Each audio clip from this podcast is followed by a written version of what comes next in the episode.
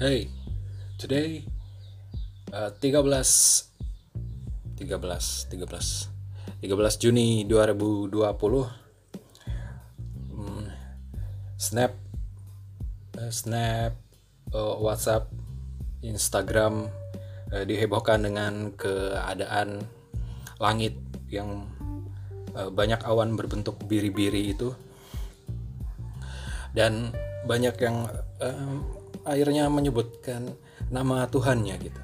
Um, bersyukur dengan keindahan itu tapi di sisi lain saya jadi teringat suatu fenomena yang serupa. Nggak nggak serupa juga tapi mirip-mirip. Waktu Jepang dilanda angin besar itu sebelum bencana datang langitnya itu berubah menjadi warna ungu dan sempat viral juga di sosial media. Um, jadi bisa bisa bisa menimbulkan uh, beberapa kemungkinan. Apakah uh, fenomena alam yang kita sebut indah itu uh, sebenarnya adalah pertanda dari datangnya bencana? Um, dan mereka semua nanti akan menyesal gitu pernah pernah pernah posting uh, bersyukur kalau ternyata itu adalah uh, datangnya bencana sinyal datangnya bencana tapi siapa yang tahu dan semoga saja tidak. Hmm, mungkin agak aneh karena hmm, ternyata bukan cuma di daerah kota saya tapi di kota-kota teman saya yang lain terjadi keadaan yang serupa. Apa sebenarnya pertanda dari langit yang banyak awan berbentuk biri-biri itu ya? Saya juga nggak tahu. Um, by the way ini adalah segmen baru yang saya pernah bilang itu hmm, intinya ide liar tapi namanya belum ada. Hmm, apa ya namanya? Ya ide liar gitulah. Nanti seiring berjalannya waktu akan ada judulnya. Kalau kamu mau bantu kasih nama juga nggak apa-apa. Sesuai dengan judulnya apa yang akan saya utarakan adalah opini yang berisi tentang ide-ide.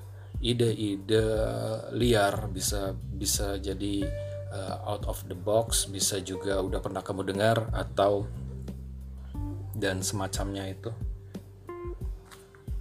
Yang intinya um, dalam menanggulangi berbagai permasalahan yang baru muncul atau sudah lama muncul atau mungkin akan muncul kita bisa mengutarakan berbagai opini. Bebas aja. Hmm, bebas aja.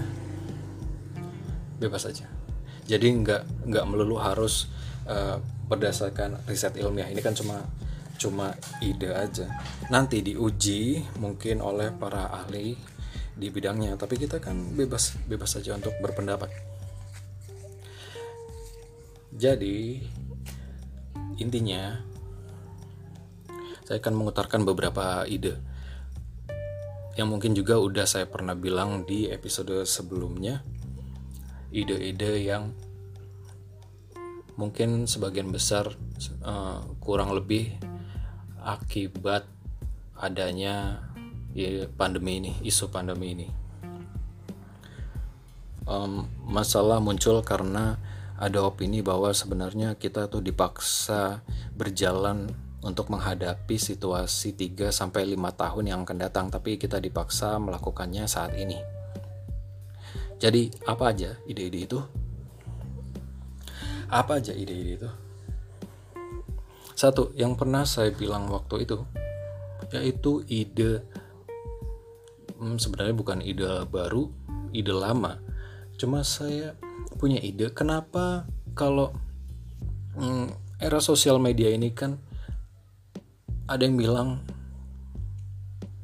hmm, terdapat bilik bilik gema jadi informasi yang kita dapatkan itu bukan kurang tapi berlebih dan biasanya apa yang kita dapat informasi itu berdasarkan uh, riwayat atau histori apa yang kita cari.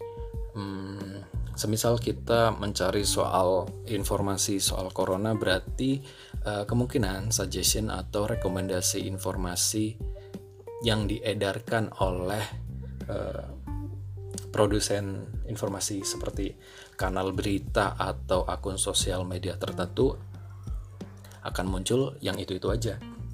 Jadi semisal hmm, kamu adalah seorang yang menganut uh, kepercayaan flat earth dan kamu terus-terusan mencari lewat Google atau sosial media soal flat earth lalu kamu memfollow akun atau orang-orang yang uh, bisa dibilang uh, seorang ahli atau pakar gitu dibilang di bidang flat earth-nya.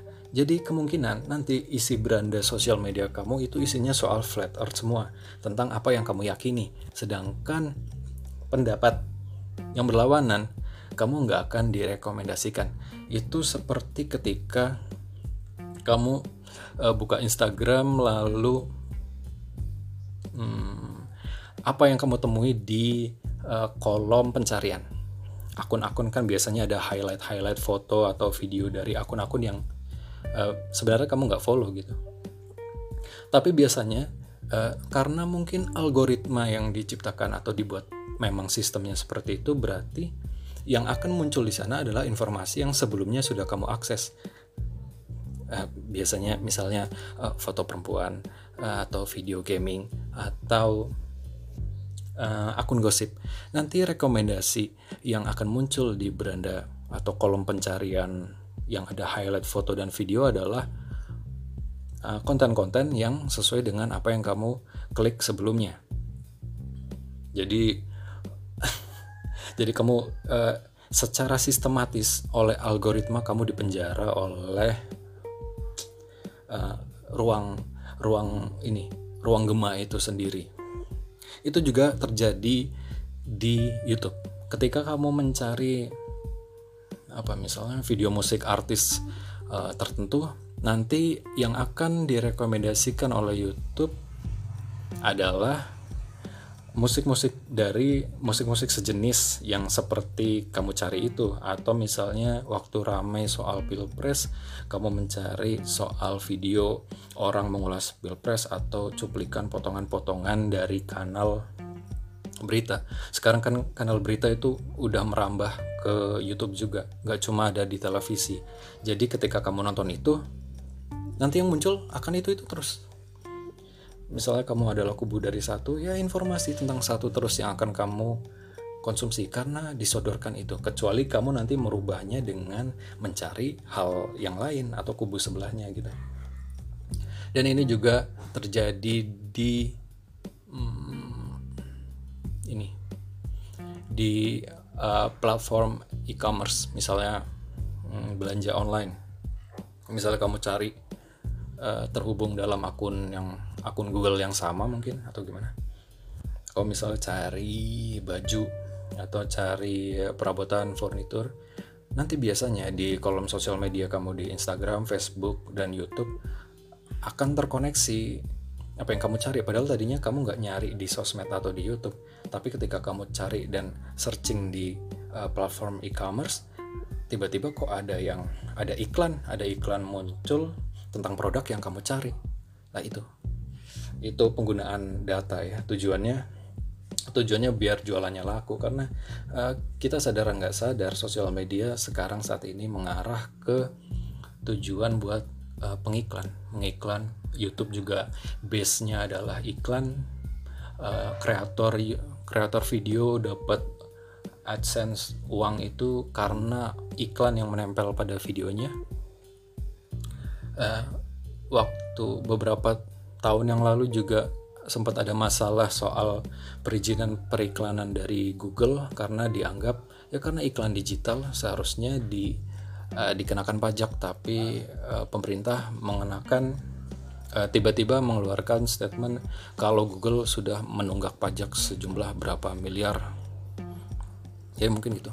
Uh, kita jadi sasaran aja jadi konsumen. Jadi harus lebih memilah dan memilih hati-hati informasi karena kita kebanjiran informasi bukan kekurangan.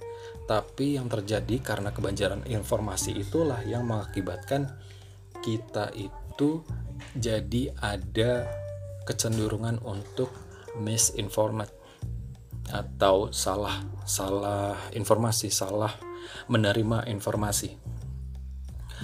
uh, kaitannya apa ide ide liarnya apa ide liarnya adalah sebagian dari kita menyenangi konten-konten berupa audio visual yang berupa gambar uh, mungkin ada kalimat potongan singkat tapi kalau panjang nggak mau. Uh, mungkin juga dari uh, konten video. Dan yang lagi berkembang di Indonesia adalah konten podcast. Kenapa baru? Ya emang baru. Tapi sebenarnya udah dikenal lama cuma untuk um, sistem dan uh, komunitas atau lingkungannya lebih terbangun lebih dulu di luar negeri di US Kanada yang sudah bisa dimonetize kalau kita belum dan kemarin juga uh, podcast di YouTube itu podcastnya Joe Rogan diakuisisi secara gila-gilaan oleh Spotify Spotify juga sudah mengakuisisi beberapa platform salah satunya Anchor. Anchor.fm dan sepertinya mereka itu memang berfokus pada konten audio. Dan ada kemungkinan juga mulai merambah ke video. Jadi akan menyaingi sebuah YouTube. Ya bisa jadi. Ya, dan kenapa soal audio? Mungkin karena bisa dinikmati uh, di mana aja. Karena setiap orang punya um, perangkat mobilenya sendiri uh, koneksi internet makin mudah diakses dan didapat dan semakin terjangkau oleh masyarakat dan rasa keingintahuan kita. Hmm, kenapa konten seperti teori konspirasi itu laku?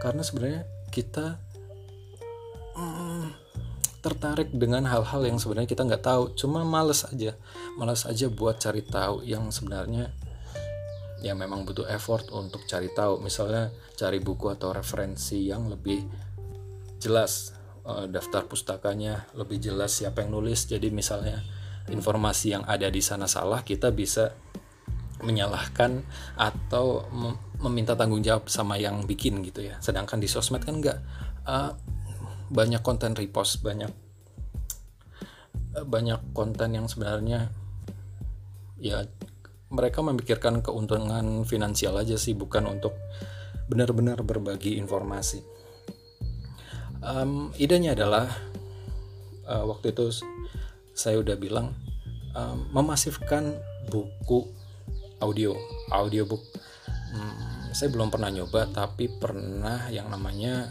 uh, tahu dan baca nama platformnya atau aplikasinya atau perusahaannya Audible. Jadi bukunya itu buku digital dan bisa dinikmati bukan cuma dibaca tapi didengarkan. Uh, kenapa harus seperti itu? Karena kemungkinan sebagian besar konten audio podcast itu yang laku kalau nggak horor ya komedi atau yang ngomong uh, ngalor ngidul yang referensinya ya seperti ini yang referensinya itu acak dan tidak bisa dipertanggungjawabkan. Karena ya memang tidak terlalu dalam dan bukan pakar. Ada buku juga dari tahun 2018 itu bukunya siapa ya? Uh, hilangnya uh, matinya kepakaran gitu. Karena makin banyak uh, kreator informasi kreator yang diminati tapi kreator tersebut sebenarnya bukan ahli dalam bidangnya tapi malah dipercayai oleh hmm, penikmatnya. Jadi uh, penikmatnya itu banyak dan akhirnya kepakaran itu seolah mati dan bias. Uh, ucapan so seorang pakar bisa jadi nggak terlalu atau kalah dipercayai dari ucapan seorang influencer yang nggak semua jelek tapi ya pas-pasan lah average. Ya kenapa uh, kenapa nggak dimasifkan dalam konteks itu? Atau kalau memang nggak laku ya emang uh, seperti disebarkan di Anchor dan Spotify kan nggak bayar.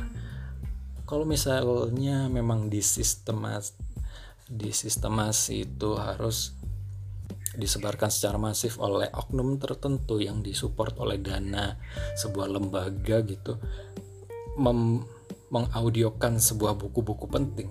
Misalnya buku sejarah uh, buku pelajaran ekonomi gitu. Secara free. Secara free kenapa enggak? Karena uh, sejarah itu penting dan dinamis. Kita bisa memprediksi masa depan dari sejarah.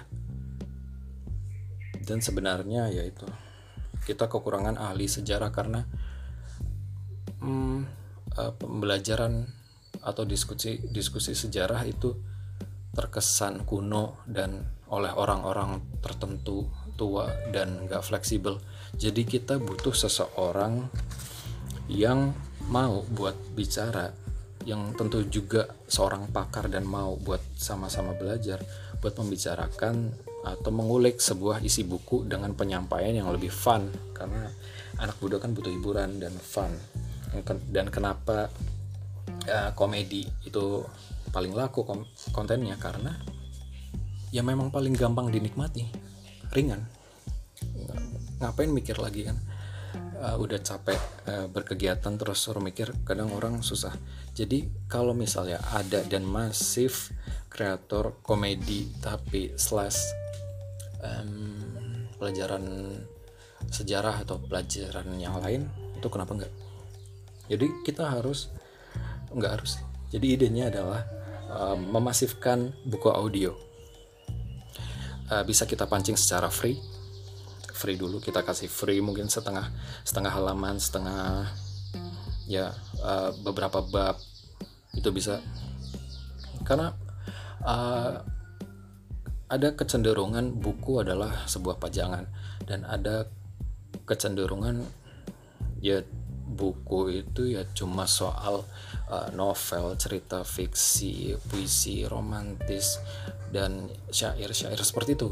Sedangkan sedangkan di masa susah seperti ini atau di masa uh, kurangnya kepercayaan publik kepada media itu sangat dibutuhkan pengetahuan yang yang banyak terhadap pelajaran seperti sejarah atau antropologi, uh, sosiologi dan macam-macam.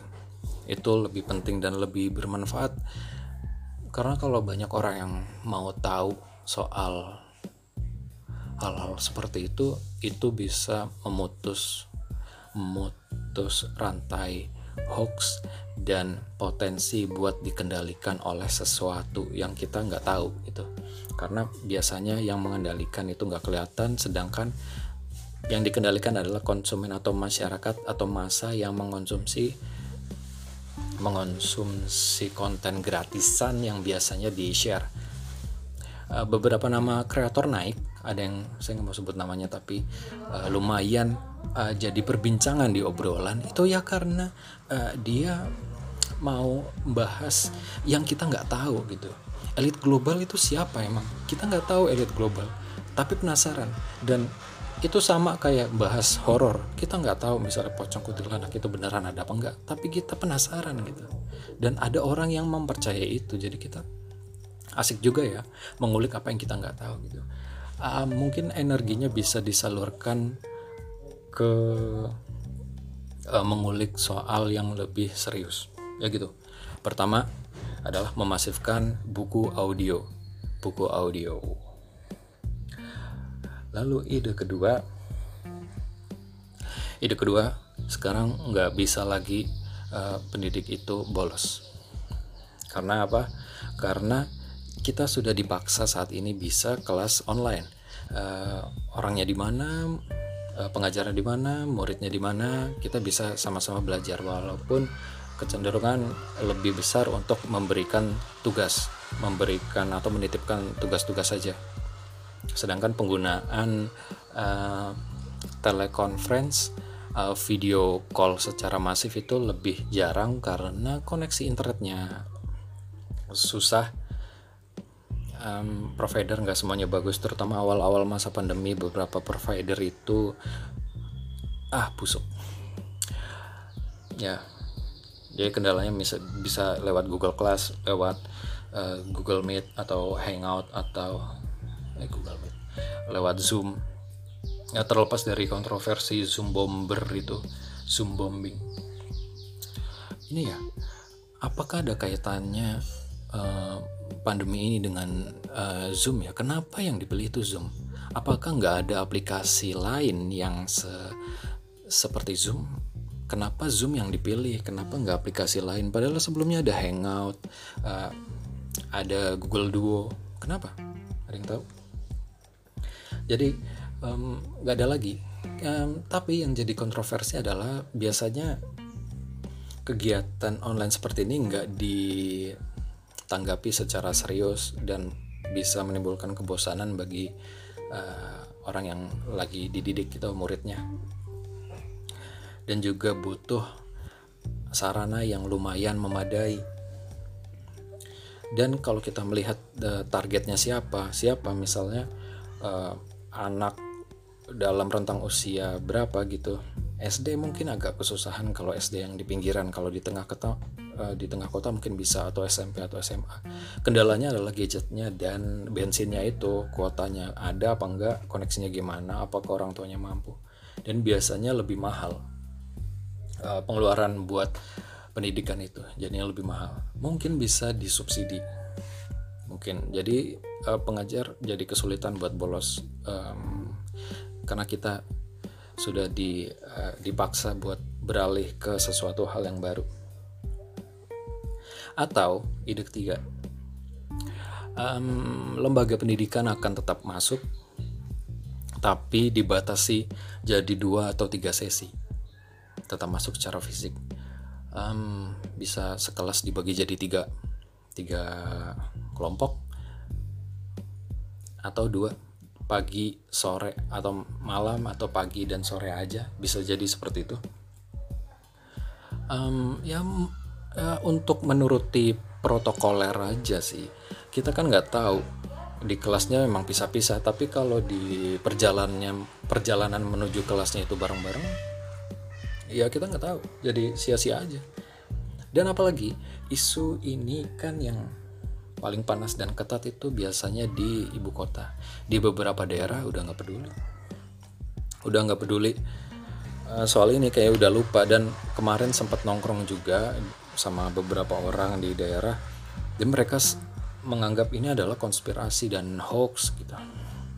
Saya juga nggak tahu aslinya gimana tapi menuruti aja sih.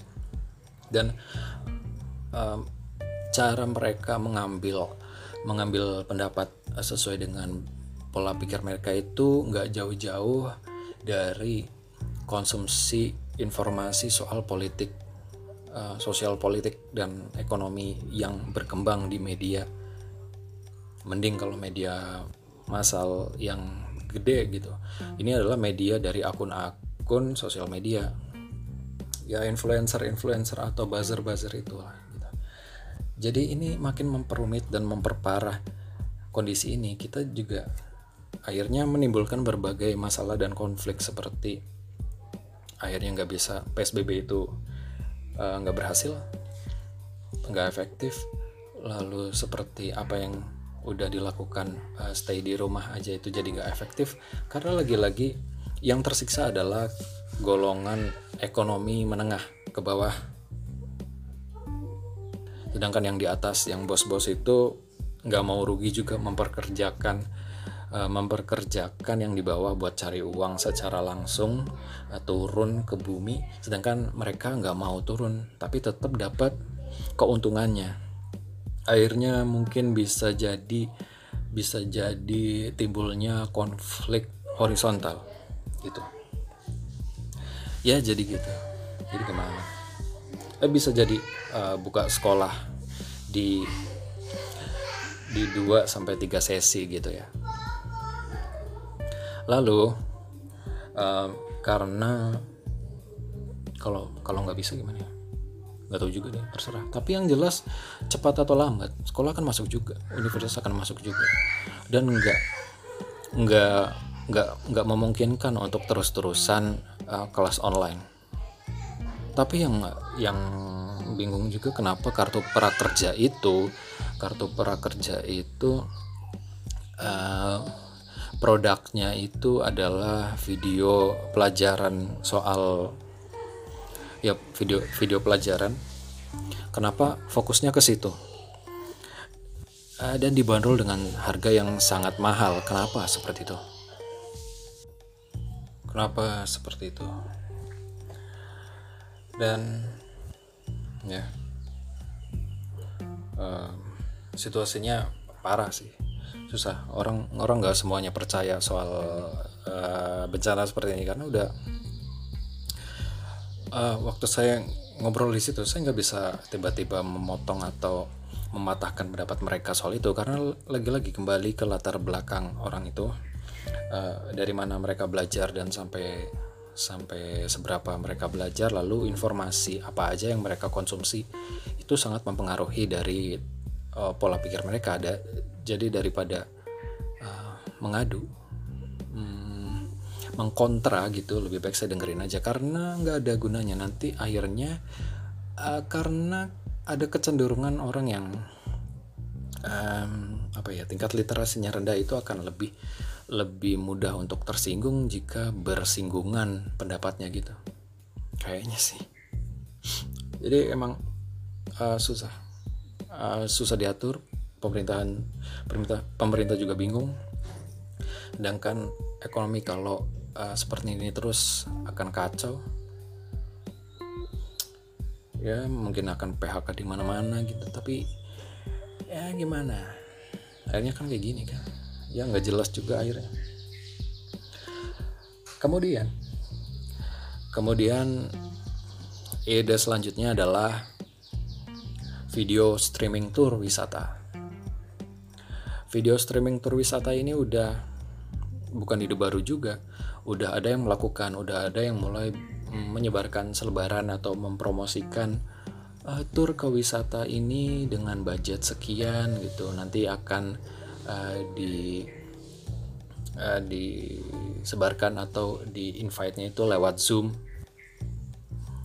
terdengar terdengar useless ya kalau misalnya uh, tempat wisatanya itu adalah yang dijual hmm, uh, lingkungan seperti uh, hutan atau yang berbau-bau alam. Tentunya selain visual yang dinikmati adalah suasana di sana. Udara yang misalnya sejuk atau air yang dingin atau hangat uh, ya ambience-nya atau hawanya gitu suhunya sedangkan kalau lewat video zoom apa bedanya dengan kita lihat di YouTube misalnya streaming? Ada juga ada video ini. Kemarin lihat uh, video satu jam uh, jalan gitu di jalanan Manhattan misalnya atau di jalanan Kyoto atau Osaka gitu ada. Dan formatnya mereka bikin 4K dan videonya bagus. Enak banget ambience uh, jalan udara eh ya jalan dan air hujan pas hujan itu kedengeran. Jadi kenapa harus saya bayar buat menikmati konten yang cuma visual aja dan uh, beberapa di beberapa platform bisa ditemukan secara gratis? Kenapa harus bayar? Tapi video streaming tour wisata ini bisa jadi uh, worth the money, bisa jadi layak buat dipertimbangkan untuk dikonsumsi jika satu daya tarik wisatanya itu tinggi.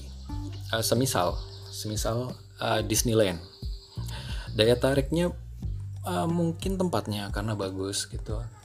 Tapi karena konsep Disney-nya itu, tokoh Disney misalnya, nggak semua orang punya akses buat ke sana dan yang paling uh, worth sih dan susah buat dicari di mana-mana itu Studio Ghibli kalau ada tour Studio Ghibli itu sangat layak buat dipertimbangkan buat uh, kamu ikutan join karena di YouTube nggak ada uh, cuma potongan-potongan ada potongan-potongan aja dan sering kali beberapa film Ghibli itu animasinya cuma di cuma ditayangkan di studionya aja di Jepang itu.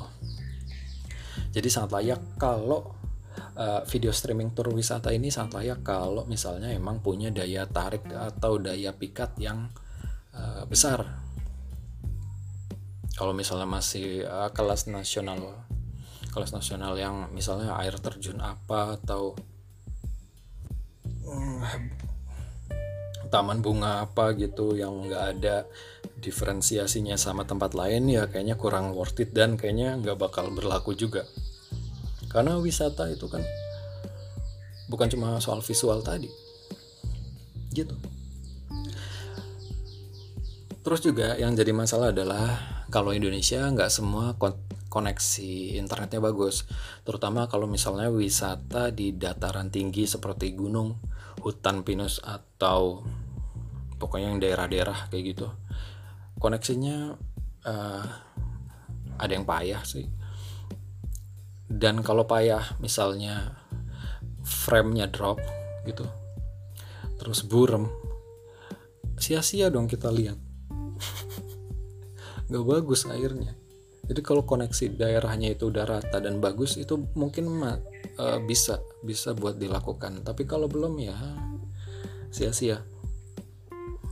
Lalu ide yang lain lagi? Bagaimana kalau kita itu bukan cuma pakai masker aja tapi sekalian bajunya? Kamu pernah nonton atau main game ini nggak? Death Stranding atau film bertemakan antariksa No Man's Sky atau hmm, atau apa ya? Ya yang seperti itu. Yang intinya itu menggunakan pakaian uh, pakaian astronot atau pelindung armor armor gitu buat keluar. Kalau di game Death Stranding itu kita harus memakai armor tertentu. Dan uh, karena game itu di game itu tokoh utamanya adalah sebagai kurir pengantar barang dari titik satu ke titik satunya. Jadi yang bisa dan mau keluar uh, yang diharuskan dan bisa itu cuma beberapa orang yaitu kurir-kurir itu tadi. Dan orang lain nggak berani bersembunyi di bawah tanah. Persis kejadiannya uh, mirip lah kayak kejadian pandemi ini jadi kalau mau keluar mungkin kita bisa pertimbangkan untuk membuat kostum aneh-aneh gitu. Tapi yang dasarnya safety bisa lewat helm yang bentuknya adalah uh, helm yang bentuknya adalah helm astronot yang dibuat oleh SpaceX.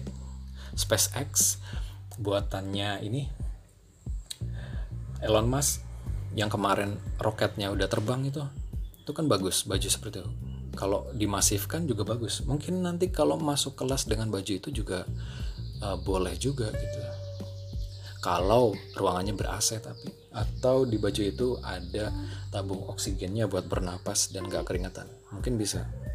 Daripada menutupi uh, cuma bagian penciuman untuk menyerap udaranya dan kita harus diwajibkan cuci tangan terus cuci kaki terus gitu sampai kulit ini udah mengelupas ya mendingan kita lindungi semuanya aja. Satu badan full ya memang mahal. Tapi mungkin kalau ini berkelanjutan kenapa enggak? Bisa dipertimbangkan buat hidup seperti di game Death Stranding. Hmm, jadi gimana um, kendalanya apa ya kalau misalnya buku audio itu? Hmm, kita recap ya. Satu tadi buku berbentuk audio. Kendalanya kalau buku berbentuk audio uh, kita harus punya voice uh, voice actor co voice actor ya. Pokoknya naratornya itu harus bagus dan bisa bisa juga membuka kemungkinan uh, membuka uh, bidang industri baru gitu. Eh, studio musik nggak cuma menghasilkan musik tapi juga buat jadi narator sebuah buku. Nara ya penyedia itulah rekaman buat buku. Terus kendala yang kedua adalah uh, disebarkan lewat apa dan bagaimana subs subscriptionnya. Apabila kita beli lepas seperti kita taruhlah di CD atau lewat digital digital platform atau dijual via flash disk gitu misalnya bentuknya kemungkinan buat di copy itu kan ada. Kemungkinan disebarluaskan yang beli satu tapi di copy ke orang seribu itu bisa bisa jadi. Kendalanya mungkin ya bagaimana kita membuat inskripsi mm, yang lebih secure gitu. Lebih aman nggak bisa di copy jadi cuma bisa dikonsumsi sama yang beli aja satu kali download. Lalu yang kedua, apakah worth bila membeli sebuah produk non fisik berupa audio? um, hak cipta urusan copyright ini masih jadi pembahasan yang panjang dan rumit apalagi soal lagu terlebih lagu. Dan bagaimana kalau soal audio yang narator gitu? Apakah orang mau buat beli? E, kalau beli buku fisik kita bisa pegang fisiknya bisa dijadiin pajangan.